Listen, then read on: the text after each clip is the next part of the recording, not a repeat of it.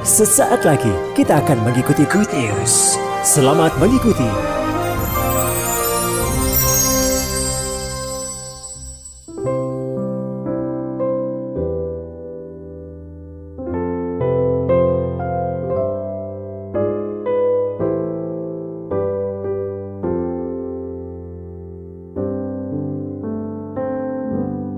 Puji Tuhan, Shalom. Semua. Saya percaya kita semua ada dalam pemeliharaan dan pertolongan Tuhan yang sempurna. Amin. Puji Tuhan. Bapak Ibu Saudara, kita siap terima firman Tuhan. Amin. Hari ini saya akan masuk atau menyampaikan firman dengan judul panggilan seorang murid Kristus. Di dalam bulan-bulan pelayanan seperti ini, kita terus diingatkan Bapak Ibu Saudara untuk apa dan apa makna hidup kita sesungguhnya di dalam Kristus Yesus Tuhan. Nah, oleh karena itu mari kita akan baca di dalam Lukas pasal yang ke-9, Lukas pasal yang ke-9 ayat yang ke-57 sampai ayatnya yang ke-62 ya. Hal ini pernah saya sampaikan beberapa waktu yang lalu tapi biarlah hari ini pun kita juga dapat belajar ya hal atau panggilan seorang murid Kristus. Ayat yang ke-57 dari Lukas pasal yang ke-9. Saya akan baca dan kita akan membacanya bersama-sama. Satu, dua, tiga. Ketika Yesus dan murid-muridnya melanjutkan perjalanan mereka. Berkatalah seorang di tengah jalan kepada Yesus. Aku akan mengikut engkau ke mana saja engkau pergi. Yesus berkata kepadanya, serigala mempunyai liang dan burung mempunyai sarang tetapi anak manusia tidak mempunyai tempat untuk meletakkan kepalanya. 59. Lalu ia berkata kepada seorang lain, ikutlah aku. Tetapi orang itu berkata, izinkanlah aku pergi dahulu menguburkan. Tetapi Yesus berkata kepadanya, biarlah orang mati menguburkan orang mati. Tetapi engkau pergilah dan beritakanlah kerajaan Allah di mana-mana. 61. Dan seorang lain berkata, Aku akan mengikut engkau Tuhan. Tetapi izinkanlah aku pamitan dahulu dengan keluargaku. Tetapi Yesus berkata, setiap orang yang siap untuk membajak tetapi menoleh ke belakang tidak layak untuk kerajaan Allah. Amin. Bapak Ibu Saudara yang dikasih Tuhan, ya di dalam kitab Lukas ini perikopnya sebelumnya kita baca itu Yesus dan orang Samaria ya lalu diceritakan di sana hal untuk mengikut Yesus. Nah, Bapak Ibu Saudara yang dikasih Tuhan, perlu Bapak Ibu ketahui bahwa pada hari-hari itu Yesus itu seperti yang kita tahu ya diikuti oleh banyak orang. Tidak hanya murid-muridnya tapi kerumunan orang banyak mengikuti dia. Untuk begitu banyak alasan dan motivasi. Ada yang pengen sembuh, ada yang pengen diberkati, ada yang pengen dipulihkan, tapi juga banyak juga yang ikut Yesus karena penasaran, ya, pengen tahu apa yang dia mau kerjakan. Ya, dan bahkan ya banyak dari di antara di antara mereka ini Bapak Ibu Saudara tidak sungguh-sungguh mau mengikut Yesus. Ya, bahkan ahli-ahli Taurat ketika itu berusaha untuk mencari kesalahannya. Ya, karena mereka percaya bahwa Yesus waktu itu adalah seorang penista agama, ya, penyesat, ya. Nah, oleh karena itu Saudara, hal mengikuti Yesus ini menjadi satu satu penekanan yang di yang di yang dikerjakan oleh Tuhan ketika dia ada di atas muka bumi ini. Salah satunya adalah apa? Dia memanggil murid-muridnya. Ya, dia memanggil murid-muridnya. Nah, Bapak Ibu Saudara, apa yang kita bisa pelajari dari poin ini, dari perikop ini, Bapak Ibu, bahwa Injil bukan hanya untuk memanggil kita percaya, tetapi mengubah hidup kita secara radikal. Yang percaya katakan amin. Saudara, ketika kita dikatakan menjadi pengikut Kristus, Saudara, bukan hanya bicara tentang orang banyak, orang kerumunan itu. Nah, saudara.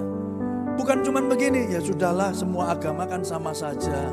Ya, yang penting saya buat baik, saya nggak nipu orang, saya nggak jahatin, ya, saya nggak nggak melakukan uh, satu kejahatan atau nggak melakukan korupsi. Semua orang senang sama saya, ya cukuplah. Saudara, ketika itu Yesus datang ke dunia ini, Saudara, bahkan dikatakan begini, aku membawa pemisahan. Saudara, antara orang tua dan anak. Seakan-akan dia sepertinya bahwa dia sepertinya berkata begini bahwa kalau kamu ikut aku maka hidupmu tidak akan pernah sama lagi. Dan itu yang seharusnya terjadi. Yang percaya katakan amin Bapak Ibu Saudara. Iman kita kepada Kristus Yesus Tuhan itu harusnya mengubahkan hidup kita secara radikal. Benar-benar berbeda, completely different person, benar-benar orang yang berbeda. Dan saya percaya hari ini pun Bapak Ibu Saudara, ketika saudara percaya dengan hati, mengaku dengan mulut Yesus Kristus adalah Tuhan dan Juru Selamat saudara. Dia Kristus itu yang telah datang dan bahkan tergantung mati di atas kayu salib. Tidak akan pernah membiarkan hidupmu tetap sama. Hidupmu akan berubah secara radikal. Mari beri tepuk tangan yang meriah bagi Tuhan kita. Harus ada perubahan, harus ada perbedaan. Saudara yang dikasih Tuhan, Injil itu berkata Injil sekali lagi itu adalah kabar baik. Bukan hanya untuk manggil Bapak Ibu Saudara untuk percaya. Ya, dos kepada Gusti begitu ya. Bukan hanya percaya, oh iya saya percaya ada Tuhan. No. Kristus datang untuk mengubahkan hidupmu. Dan Kristus datang untuk memulihkan hubunganmu, hubungan saudara dan saya dengan Bapa kita dengan Tuhan pencipta langit dan bumi yang seharusnya yang sebelumnya itu tidak akan pernah bisa terjadi apalagi dengan kekuatan saudara dan saya. Amin Bapak Ibu Saudara. Itu Injil, itu kekristenan. Saudara yang dikasih Tuhan mengubah hidup kita secara radikal. Makanya di situ dikatakan hal mengikut Yesus.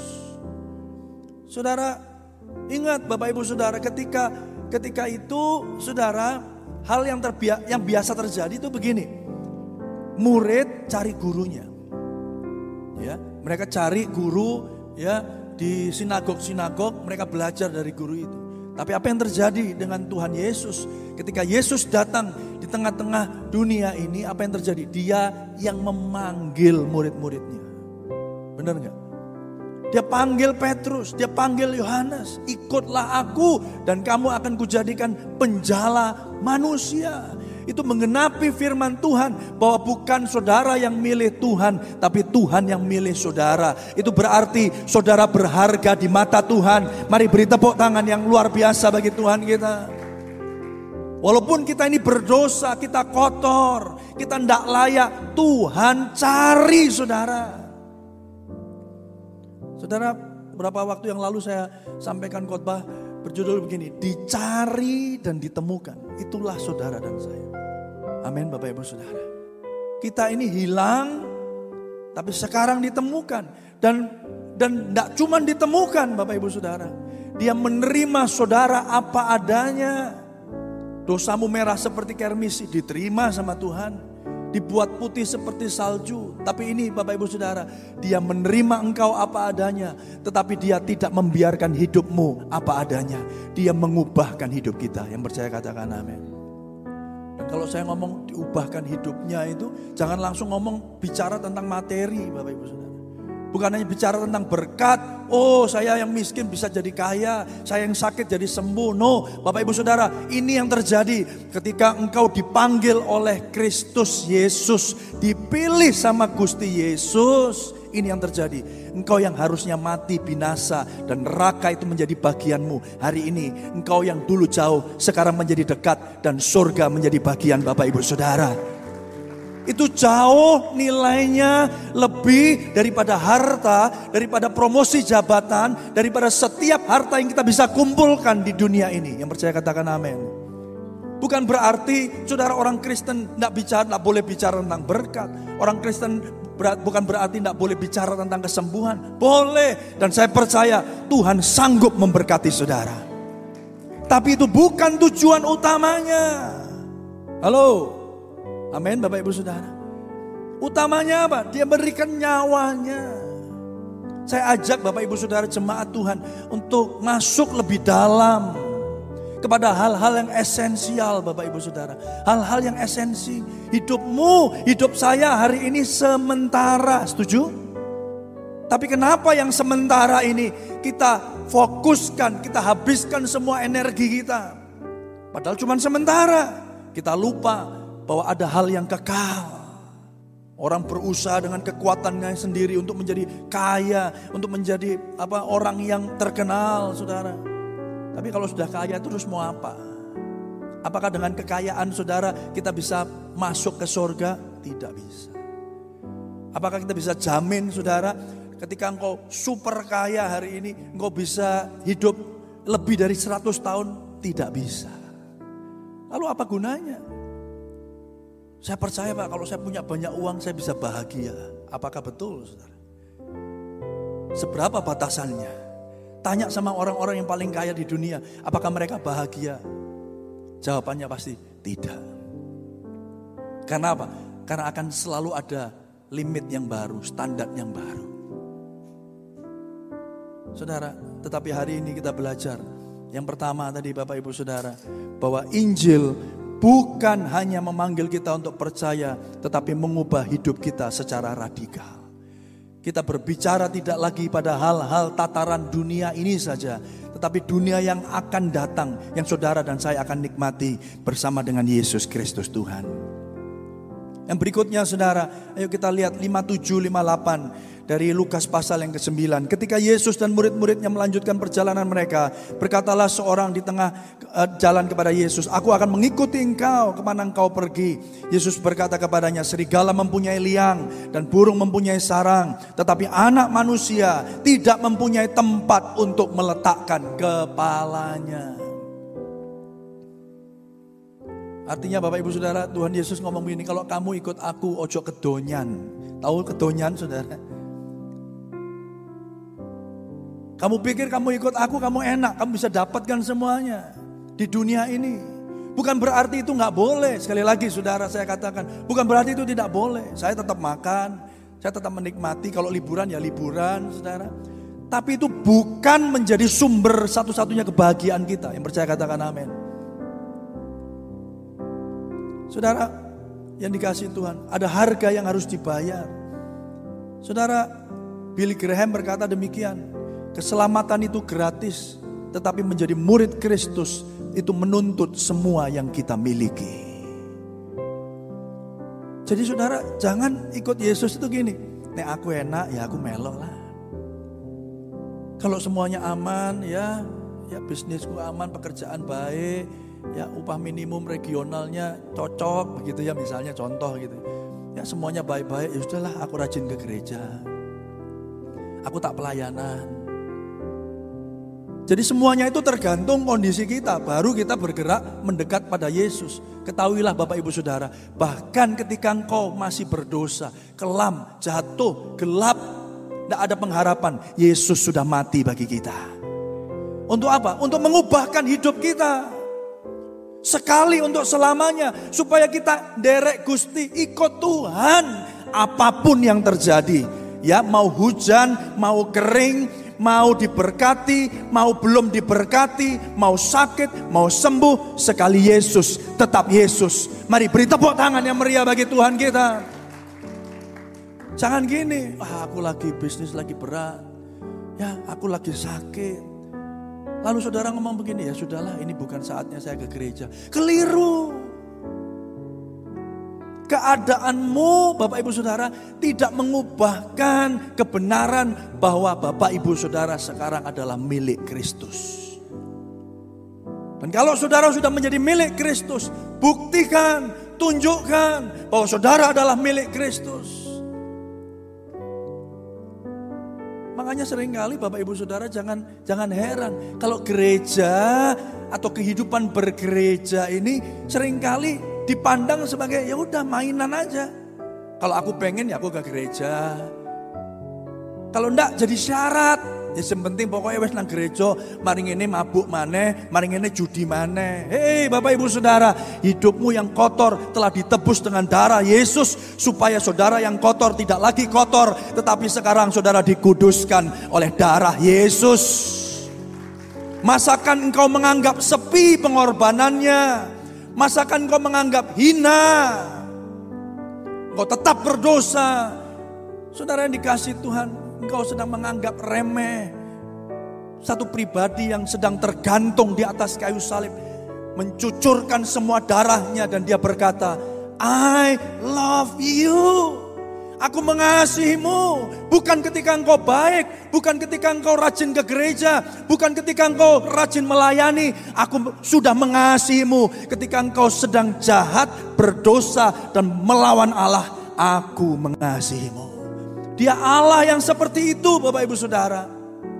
Oleh karena itu ketahuilah kalau hari ini engkau telah ditebus dengan darah yang mahal. Hidupmu tidak akan pernah sama lagi. Yang percaya katakan amin. Jangan percaya suara-suara. Jangan percaya kepada kuasa iblis yang berkata gak apa-apa. Ya, gak apa-apa rusak-rusakan sekalian. No, Bapak Ibu Saudara, hidupmu berharga. Yes, engkau memang berdosa dan engkau tidak layak untuk menerima apa kasih karunia itu. Tapi hari ini engkau menerimanya artinya itu anugerah. Itu pernyataan kasih surga bagi saudara. Yang percaya katakan amin. Dia rindu hidup saudara diubahkan Tuhan. Haleluya oleh karena itu Bapak Ibu Saudara ayat 59 dikatakan demikian. Lalu ia berkata kepada seorang yang lain ikutlah aku. Kata ikutlah aku follow me itu artinya gini. Bapak Ibu Saudara Zaman dulu sekolah jadi murid itu bukan seperti kondisi hari ini. Ya ada bentuk sekolahnya begitu. Lalu kita pagi sekolah bawa bekal makan terus selesai teng teng teng teng pulang begitu. Nah dalam konteks Tuhan Yesus ikutlah aku jadilah muridku. Itu artinya apa? Ikut terus sama Tuhan. Hidup bersama dengan Tuhan. Tuhan makan kita makan. Saudara Tuhan tidur mereka juga ikut tidur. Tuhan melayani, mereka melihat dan ikut melayani. Ya, mereka tinggal bersama dengan Tuhan tiga setengah tahun. Mereka lihat dari mulai Yesus bangun tidur sampai tidur lagi, saudara. Ada penyerahan total. Saudara yang dikasih Tuhan. Ini ada hidup yang radikal. Yang diubahkan oleh kasih Kristus Yesus. Saudara yang dikasih Tuhan. Jangan sampai kita buat dia sedih. Saudara yang dikasih Tuhan begini. Kalau agama, itu gini saudara. Kalau agama, aku taat, maka Tuhan mengasihi aku. Itu agama. Tapi kalau kekristenan saudara, Tuhan mengasihi aku. Oleh karena itu aku rindu untuk taat. Yang percaya katakan amin. Jangan kebalik-balik.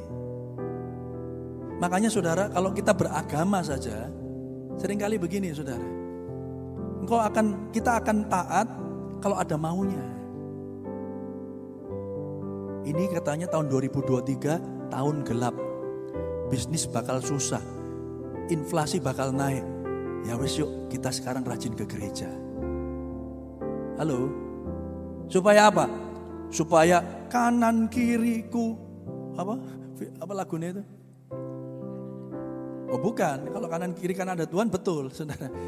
Tapi yang kiri apa?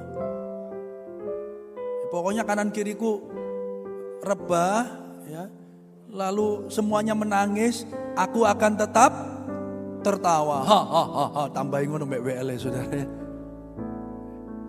Biarkan semuanya rugi, yang penting pokoknya kita tetap untung. Wah, luar biasa. Jadi akhirnya jadi Kristen itu co Yesus. Saudara. Yang penting cuan, cuan, cuan. Haleluya.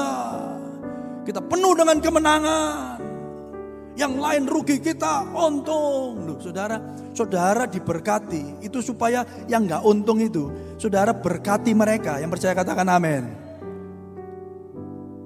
Saudara pikir berkat itu punya saudara? No, itu punyanya Tuhan untuk kita bisa kelola supaya melalui berkat yang saudara dan saya terima, kita bisa menjadi saluran berkat buat orang-orang yang lain. Sehingga mereka lututnya bertelut lidahnya mengaku dan menerima anugerah yang sama. Yesus Kristus Tuhan. Mari beri tepuk tangan bagi Tuhan kita. Tapi kan orang beragama kadang lain ya. Ya ini bakalan gelap ini lebih sulit dari 2022. Ya udah, kita lebih rajin supaya ketika kita taat Tuhan mengasihi kita. Enggak. Tuhan tetap mengasihi saudara walaupun kau sering kali tidak setia. Itu firman Tuhan ya bukan? Supaya apa? Supaya kehidupan kekristenan kita itu tidak seperti yang agamawi tadi.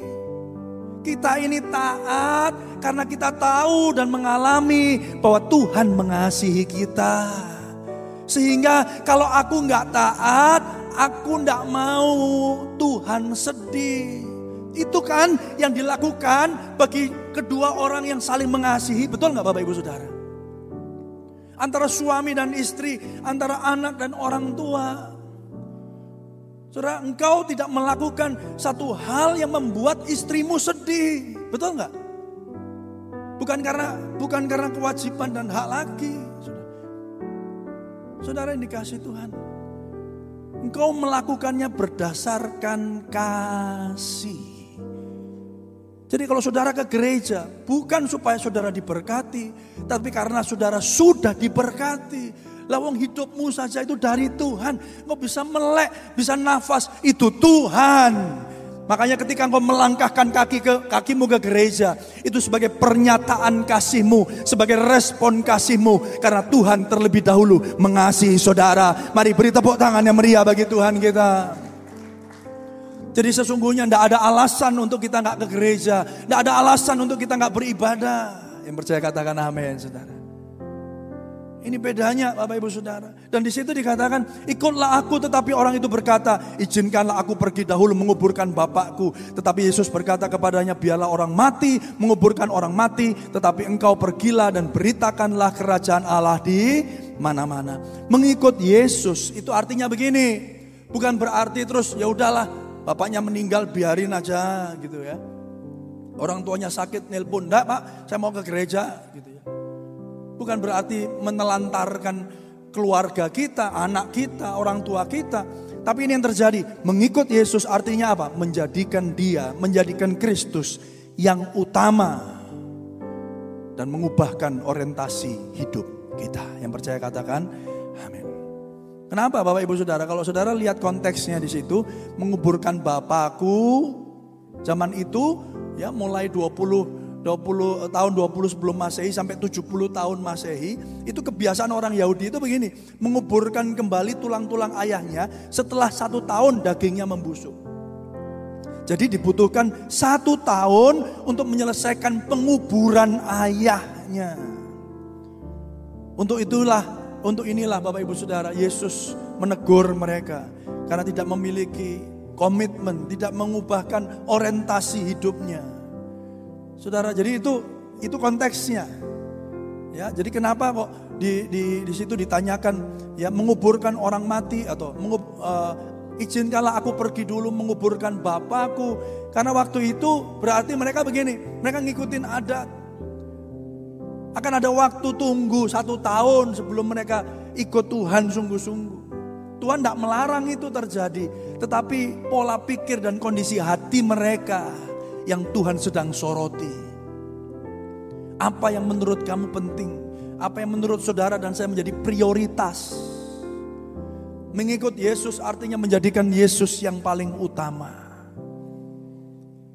Artinya apa? Balik ke hati lagi, saudara. Balik ke hati lagi. Saudara sama-sama pegang amplop persembahan, masukkan ke kotak persembahan, Saudara, yang dilihat bukan jumlah persembahannya, tapi yang dilihat hatinya. Yang percaya katakan amin. Saudara memberi bukan supaya saudara diberkati, saudara memberi karena saudara sudah diberkati. Memberi dengan ucapan syukur, memberi dengan sebuah respon bahwa aku mengasihi Tuhan. Kalau sudah begini, saudara kira-kira bakalan memberi apa enggak? Memberi. Benar nggak Bapak Ibu Saudara? Jadi memberi bukan supaya saudara transaksi. Aku ngasih segini, Tuhan kasih banyak ya. Tuhan kan kaya.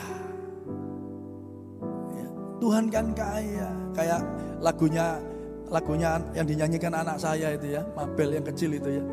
Itu saudara pernah dengar ya lagu Aku anak sehat gitu ya. Iya, gimana lagunya? Tubuhku kuat gitu kan ya. Iya. Satu saat kami di rumah nyanyi itu karena sudah lama tidak dinyanyikan, ya. Saya juga salah saudara, saya nyanyinya salah saudara. Saya ngomong gini, aku anak, aku anak raja gitu. Salah, itu kan maksudnya aku, apa tadi? Aku, aku anak sehat oh, iya.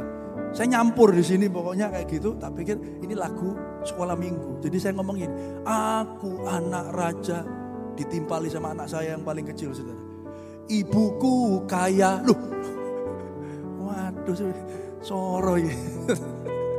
Terus kita ketawa semua. Sebenarnya lagunya itu piye Dicari-cari baru. Bundanya ngomong, itu kan bukan itu lagunya. Salah kabel saudara. Kok sampai ke sana tadi saya ngomong apa ya? Orientasi hidup kita. Ya. Seringkali saudara, kita kita berpikir, waduh pokoknya melok Tuhan ini yang penting baik, ya diberkati, kaya, itu tadi. Ya, kayak anak kecil itu kan. Yang penting oh, ibuku soge gitu ya. Bahaya saudara. Saudara yang dikasih Tuhan. Oleh karena itu Bapak Ibu Saudara, bukan berarti kita tidak senang diberkati, bukan berarti lalu kita terus cari masalah, ya, enggak, saudara. Tapi pun kalau hari ini engkau ngalami lembah kekelaman, saudara tahu bahwa Tuhan Yesus tidak pernah meninggalkan saudara. Amin, Bapak Ibu Saudara. Justru melalui lembah itu, justru melalui kondisi itu Bapak Ibu Saudara. Sekarang hari ini kita tahu bahwa itu adalah sebuah proses. Supaya apa? Supaya saudara semakin menjadi serupa dengan Yesus Kristus Tuhan. Dan itu yang paling penting. Ketika saudara sudah lulus proses itu, saudara diberkati, saudara punya uang banyak, saudara tidak kaget. Amin, saudara attachment saudara, ikatan saudara terhadap harta itu tidak begini. Punya harta banyak, puji Tuhan. Tidak punya harta, puji Tuhan. Ya, aku mis, aku kaya raya, puji Tuhan. Aku miskin, tetap puji Tuhan. Yang percaya katakan amin. Karena kedaulatan dan kedahsyatan Allah tidak dipengaruhi oleh kondisi saudara. Dia tetap Allah. Yang percaya katakan amin. Oleh karena itu Bapak Ibu Saudara yang dikasih Tuhan, Yesus berkata demikian. Seperti yang tadi saya katakan ya, Matius 4:19, "Mari ikutlah aku dan kamu akan kujadikan penjala manusia." Dia mengubahkan orientasi hidup murid-muridnya yang dahulunya cari ikan, sekarang ayo melok Yesus, cari jiwa. Amin, Bapak Ibu Saudara. Ada orientasi yang berubah. Kalaupun hari ini saudara sedang berprofesi sebagai apa pun profesi, panggilan yang saudara miliki di dalam Tuhan. Milikilah cara pandang yang beda. Tetap buka toko pak, tetap buka toko. Tetap driver, ya tetap mengemudi. Tetap jadi dokter, tetap jadi dokter gigi, tetap jadi guru, tetap jadi guru. Tetapi orientasinya berbeda. Yang percaya katakan amin. Jadi pegawai gimana? Tetap jadi pegawai. Tetapi ketika engkau jadi pegawai, orientasimu berbeda. Bahwa aku melakukannya ini bukan supaya aku dapat uang, bukan hanya supaya aku dapat gaji di akhir bulan. Aku melakukan ini karena aku percaya ini panggilan hidupku. Dan melalui pekerjaanku, bosku akan mengerti siapa Yesus Tuhan. Maka klienku, konsumenku, maka mereka boleh melihat Yesus yang bersinar terang melalui hidupku. Yang percaya katakan amin. Dan ketika engkau melayani konsumenmu, ketika engkau melayani pasienmu, engkau sedang berkata, aku melayani Tuhan Yesus. Dan kalau itu terjadi Bapak Ibu Saudara, maka gereja jadi berkat di mana pun kita berada. Terang Tuhan dinyatakan dan dipermuliakan. Amin. Amin saudara. Saudara buka depot pun, saudara konsumenmu cerewet kayak gimana. Saudara layani dengan baik, karena engkau percaya engkau tidak sedang melayani manusia, engkau sedang melayani Tuhan. Dan ketika itu terjadi Bapak Ibu Saudara, Saudara akan lihat. Saudara melalui hidupmu terang Tuhan bersinar. Amin Bapak Ibu Saudara. Sekarang itu kan aneh ya Bapak Ibu Saudara ya. Kita dilayani dengan baik itu orang bosen. Makanya ada sekarang namanya Karen's Dinner ya di Jakarta. Itu terkenal di Australia kalau nggak salah. ya Lalu buka di Jakarta. Keistimewaannya dari restoran ini apa? Bukan makanannya yang enak, Ya, beberapa review mengatakan ya B aja biasa aja begitu ya makanannya. Ya burger lah, kentang lah apa. Tapi yang menarik dari restoran ini apa Bapak Ibu Saudara? Saudara pergi ke restoran ini, saudara diamui sama waitersnya. Diamu-amui, mau pesan apa? Ayo cepet. Menunya dilempar gini, dilempar gini. Tapi saudara nggak boleh marah. Itu memang cara mereka. Gitu. Aneh ya. Jadi di luar negeri itu yang aneh-aneh gini justru dicari saudara. Nah Indonesia mulai ikut-ikutan saudara ya. Lah yang yang nggak ngerti saudara datang ke resto ini, Pak saya eh nggak ada, ayo cepetan, jangan lama-lama. Ngamuk saudara bapak, eh kamu yang benar yang sopan, tambah diamui sama waitersnya. Oh berarti bapaknya ini terbawa anu mengikuti alurnya gitu ya. Wah dimarahin, tukaran beneran saudara ya. Tapi itu ada sekarang buka di Jakarta ya. Coba saya lihat kalau di Surabaya saudara. Bisa-bisa dicarok itu saudara. ya. Keluar mangan buah amu-amu gitu. Diamu dilempar menunya. Ayo cepetan, ayo. Apa lagi? Jangan banyak mikir. Itu gitu saudara. Ya lucu ya dunia ini ya Bapak Ibu Saudara. Oke, saudara. Nah, oleh karena itu kenapa Bapak Ibu Saudara melalui panggilan kita, melalui orientasi hidup kita yang berubah kita lagi tidak kedonyan, nggak lagi duniawi. Tapi yang kita pikirkan itu perkara-perkara yang di atas. Saudara tetap melakukan perkara-perkara yang ada di dunia ini. Dengan apa? Dengan cara pandang dan gaya hidup surga. Yang percaya katakan amin. Di situlah apa yang terjadi. Engkau sedang memberitakan Injil. Francis of Assisi. Ya, Francis of Assisi dia berkata begini, beritakanlah Injil ke mana pun kita pergi dan jika perlu gunakanlah kata-kata. Artinya apa? Beritakan tentang Tuhan Yesus. Seringkali kan kita berpikir harus pakai ngomongan ya.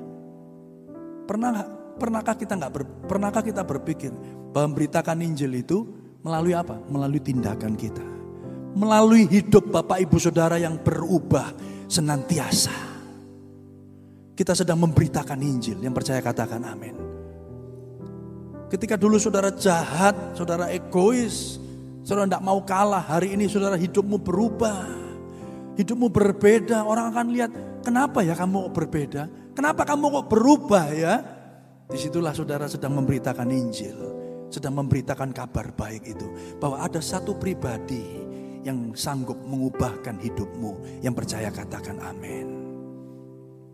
Saya rindu di tahun 2023 ini Ketika orang banyak melihatnya sebagai tahun di mana kesulitan itu akan datang dan hadir. Kita punya spirit, kita punya semangat, kita punya roh yang berbeda. Ya keadaan akan sulit, ya keadaan bisa jadi menekan saudara. Tetapi itu tidak memengaruhi perasaan dan sukacita kita. Karena sukacita, perasaan kita ditentukan oleh apa yang Tuhan katakan tentang saudara. Mari beri tepuk tangan yang meriah bagi Tuhan kita. Amin. Dan ketika saudara tetap bersuka cita, saudara tetap bisa mengucap syukur saudara, orang akan melihat dan saudara menjadi berkat. Gampang enggak? Susah. Makanya kita tahu kalau kalau gampang saudara, kita berusaha dengan kekuatan kita sendiri. Tapi kalau tahu kita ini susah, kenapa? Enggak mungkin dong kita sedang sakit kok suruh suka cita pak, susah. Sedang enggak punya uang kok tetap suka suruh bisa tersenyum, susah. Tapi justru di situlah kita butuh roh kudus. Kita butuh Tuhan. Saudara tetap perlu berdoa. Halo? Amin Bapak Ibu Saudara. Saudara yang dikasih Tuhan. Oleh karena itu Bapak Ibu Saudara pada akhirnya ayat Lukas 9, 61, 62 dikatakan. Dan seorang lagi lain berkata, aku akan mengikuti engkau, tetapi izinkanlah aku pamitan dahulu dengan keluargaku. Tetapi Yesus berkata, setiap orang yang siap untuk membajak tetapi menoleh ke belakang tidak layak untuk apa? Kerajaan Allah. Bapak Ibu Saudara, kita ini dipanggil untuk menghidupi apa yang Tuhan telah kerjakan di dalam kita. Kita bekerja bukan untuk keselamatan kita, tetapi kita bekerja di dalam keselamatan kita. Gimana itu Pak artinya Pak? Sekali lagi, kita ini bekerja, kita melayani, kita ke gereja bukan supaya kita selamat. Tetapi karena kita sudah diselamatkan, kita mau bekerja untuk Tuhan. Yang percaya katakan amin, Saudara. Saudara yang dikasih Tuhan, kita ini dipanggil untuk mengerjakan apa yang Tuhan sudah kerjakan di atas kayu salib. Selesai. Bukan untuk bekerja bagi keselamatan kita, tetapi kita bekerja di dalam keselamatan yang sudah Kristus kerjakan. Di dalam Filipi 2, 12, 13, ayo kita baca. Filipi 2, 12, 13. Hai saudara-saudaraku yang kekasih, kamu senantiasa taat. Karena itu apa? Tetaplah kerjakan keselamatanmu dengan apa? Takut dan gentar. Bukan saja seperti waktu aku hadir, tetapi terlebih pula sekarang waktu aku tidak hadir. Baca sama-sama. Karena apa? Allah lah yang mengerjakan di dalam kamu baik kemauan maupun pekerjaan menurut apa? kerelaan. Jadi kalau saudara sekarang sudah tahu bahwa saudara sudah diselamatkan, mari justru karena kita sudah diselamatkan, kita mau bekerja untuk Tuhan. Yang percaya katakan amin. Dan ketika saudara bekerja bukan dengan kekuatanmu sendiri, tetapi Tuhan yang bekerja di dalam saudara. Tuhan mau pakai saudara ini menjadi alat kemuliaannya. Saya pernah sampaikan Bapak Ibu Saudara bahwa di atas kayu salib Bapak Ibu Saudara, kepemilikan kita ini beralih. Seperti saudara kalau ke Samsat ya, jual beli mobil, saudara, mobilmu ya, saudara beli mobil dari orang lain, saudara urus BPKB-nya, BPKB-nya ganti nama. Balik nama dari yang dulu punya orang yang saudara beli ya sekarang menjadi milik saudara. Itu yang terjadi di atas kayu salib. Sebelumnya hidup saudara dan saya ini milik kita. Kita memenuhi keinginan kita. Kita melakukan impian, cita-cita, ya ambisi kita. Tetapi di atas kayu salib, saudara dan saya sudah terbeli lunas, dibayar bukan dengan barang yang fana, tetapi dengan darah Yesus. Amin. Supaya hidupmu, Galatia 2 dikatakan bukan milikmu lagi tapi hidup kita adalah Kristus yang hidup di dalam kita. Itu radikal perubahannya. Amin, Bapak Ibu Saudara. Seperti saudara beli mobil, mohon maaf, mungkin beli mobil, aduh motor ini si api. Tapi aduh, kok cek kemproy. Saudara tahu ya, pernah ya? Waduh sampah, waduh pasirnya banyak ya kotor. Lalu sudah beli mobil itu, apa yang terjadi? Sudah masukkan variasi, sudah cucikan mobil itu, disalonkan, dibersihkan semua. Ada perubahan yang radikal. Kenapa? Karena pemiliknya berubah. Demikianlah dengan hidup Bapak Ibu Saudara. Dulu kita kotor, melakukan pekerjaan kotor, melakukan dosa, pelanggaran, saudara, memberontak kepada Allah. Hari ini kita dibeli lunas dibayar dengan darah Yesus. Hidup saudara bukan pemilik lama lagi. Pemilikmu sekarang baru. Pemiliknya Yesus dan dia kudus. Oleh karena itu hidup kita juga kudus. Mari beri tepuk tangan yang meriah bagi Tuhan kita. Hiduplah sesuai dengan pemilikmu yang baru. Amin. Hiduplah sesuai dengan identitas saudara yang baru. Timothy Keller pernah berkata begini Bapak Ibu Saudara. Yesus berkata, aku ingin kamu mengikuti aku sepenuhnya begitu intens, begitu teguh, sehingga semua keterikatan lain dalam hidupmu terlihat lemah jika dibandingkan. Halo,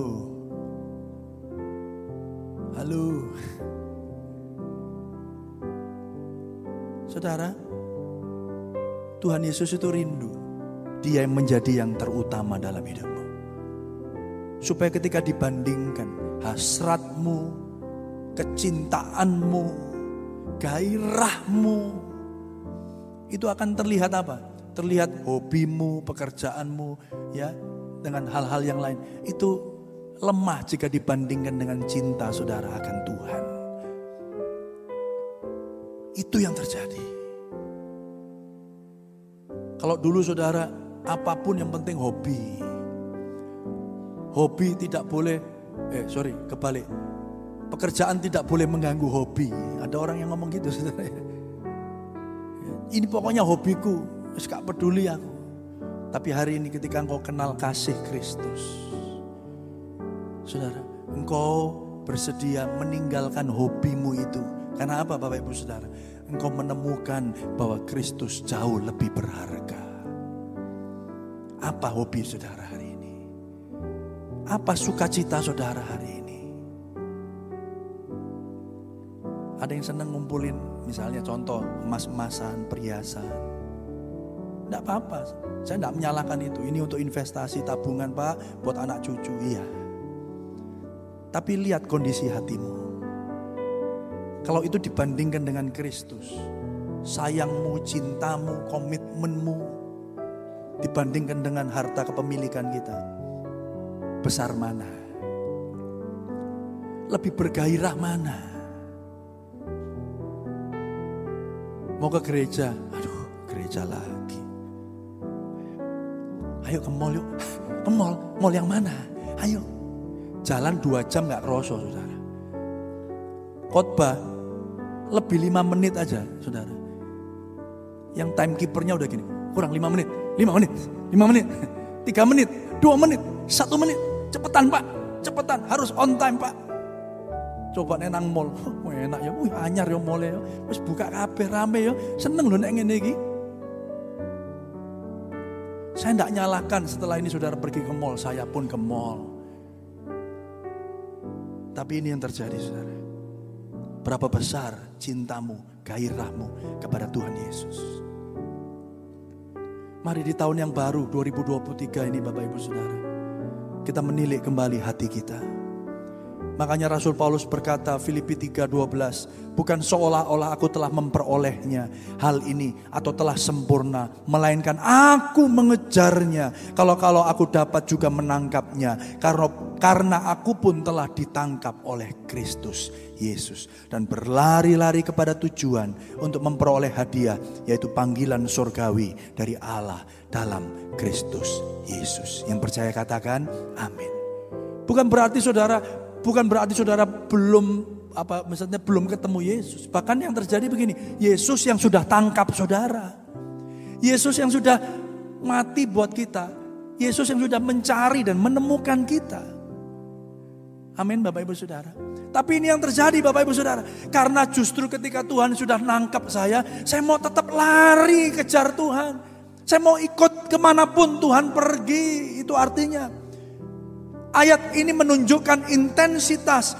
Ayat ini menunjukkan gairah. Ayat ini menunjukkan respon Paulus kepada kasih Tuhan yang tidak terbatas.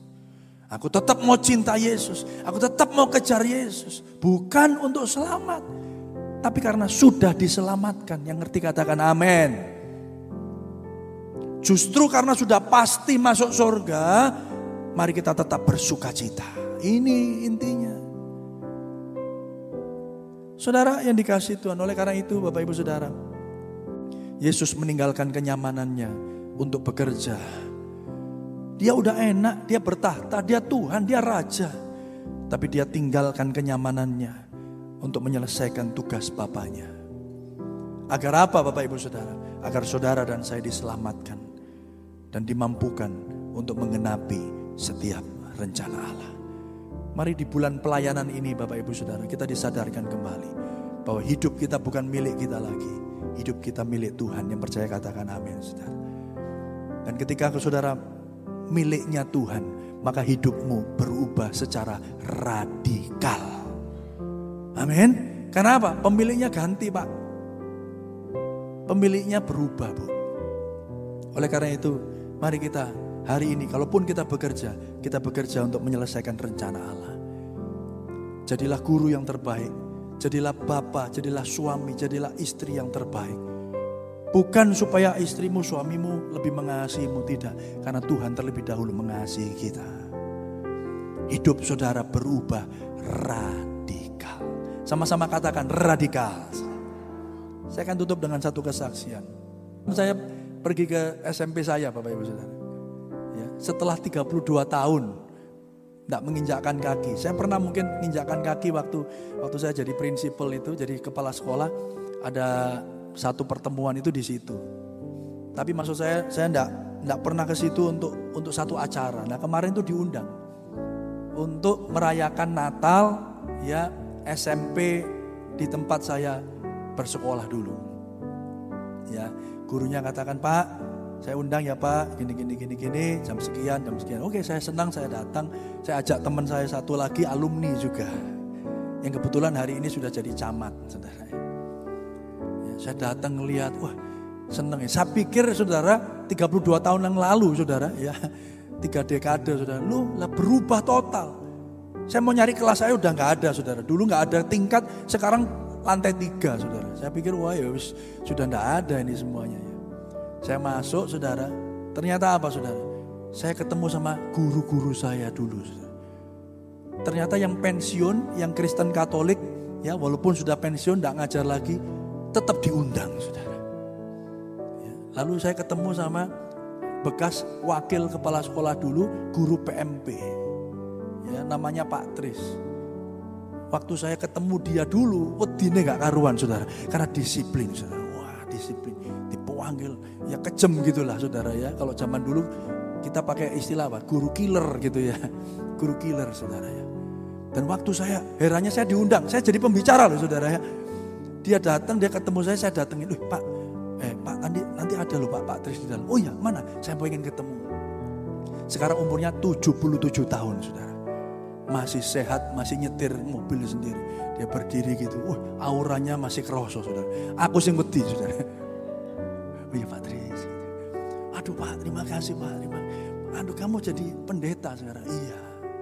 Iya, silakan silakan siapkan nanti untuk untuk apa? Nanti kita ngobrol. Sekarang kita siapkan untuk ibadahnya dulu. Oh iya iya iya. Sudah selesai saudara, ketemu Pak Tris foto-foto. Eh ada ibu-ibu. Iya, namanya Bu Titi saudara dia datang ini. Hei, enggak. Bebas saudara ya. Ya, walaupun sudah pendeta dipanggil, enggak sini enggak. Nurut aja saudara ya. ya. Aku kaget loh kamu jadi pendeta gitu. Ya. Ini antara bingung meresponinya, antara senang ya. Artinya apa gini? Pasti ada terusannya. Iya Bu, kenapa kok kaget? Aku ndablek ya Bu ya. Iya, kamu kan ndablek gitu. Nggak ada potongan katanya gitu saudara ya. Ya ini sing kurang enak saudara belakangnya ini. Tapi justru di situlah saya tahu bahwa kalau saya ada di tempat ini itu bukan karena saya. Tapi karena Yesus yang mengubahkan setiap hidup Bapak Ibu Saudara. Langsung dia foto-foto, ayo foto. Saya yang senang, saya yang minta foto terus saudara. Guru agama, ya guru biologi, guru, ya guru biologi namanya Bu Umi saudara. Terkenal sekali, tidak pernah saya lupa Kenapa saudara? Karena kalau njewet itu di sini saudara. Waduh. Zaman dulu guru njewet itu normal. Ya bener nggak Bapak Ibu? Biasa. Kalau enggak di sini, di sini godek. Wah. Jadi kalau dulu sebenarnya kalau saya pinter ya, tak cukur godekku gondol saudara. Mau jewet di mana? Tapi zaman dulu saudara, waduh. Wah ingat luar biasa. Bu, ya luar biasa. Saudara, orang akan lihat saudara ada Yesus dan hidup saudara berubah radikal. Mari kita berdoa. Mari kita teduhkan hati kita. Bapak kami bersyukur pada hari ini Tuhan untuk anugerahmu. Setiap firman yang hambamu telah sampaikan. Kami percaya keterbatasan hambamu tidak membatasi kuasa Tuhan bekerja. Tuhan meteraikanlah setiap firman yang kami boleh dengar. Biarlah Tuhan kami menyadari bahwa keberadaanmu di dalam hidup kami harusnya mengubahkan kehidupan kami secara radikal. Berbeda, berubah. Ampuni Tuhan kalau selama ini kami masih menuruti hawa nafsu kami. Kami masih Tuhan mengikuti cara hidup kami yang lama. Padahal kami telah ditebus dengan darah Yesus. Tuhan teruskan karyamu dalam hidup kami. Supaya ketika kami berubah, nama Tuhan boleh ditinggikan dan dipermuliakan. Terang Tuhan boleh bersinar melalui hidup kami. Aku berdoa bagi setiap jemaatmu yang hari ini datang dengan pergumulan. Tuhan, biarlah di dalam pergumulan yang kami boleh hadapi, kami boleh semakin diubahkan menjadi serupa Kristus. Tuhan biarlah melalui tantangan, melalui masalah, melalui sakit penyakit yang boleh kami alami hari ini nama Tuhan semakin ditinggikan dan dipermuliakan. Beri kami kekuatan Tuhan untuk kami sanggup melaluinya bersama dengan Tuhan. Engkau yang telah meninggalkan kenyamanan di sorga. Hanya untuk menggenapi rencana Bapamu, karya penebusan itu terjadi. Supaya kami diselamatkan dan dimampukan untuk dapat menggenapi setiap rencana-rencana Allah. Terima kasih Tuhan untuk karya keselamatanmu. Terima kasih Tuhan untuk hidupmu yang telah mengubahkan kami. Di dalam nama Tuhan Yesus, dengarkan seruan syafaat kami hari ini. Amin.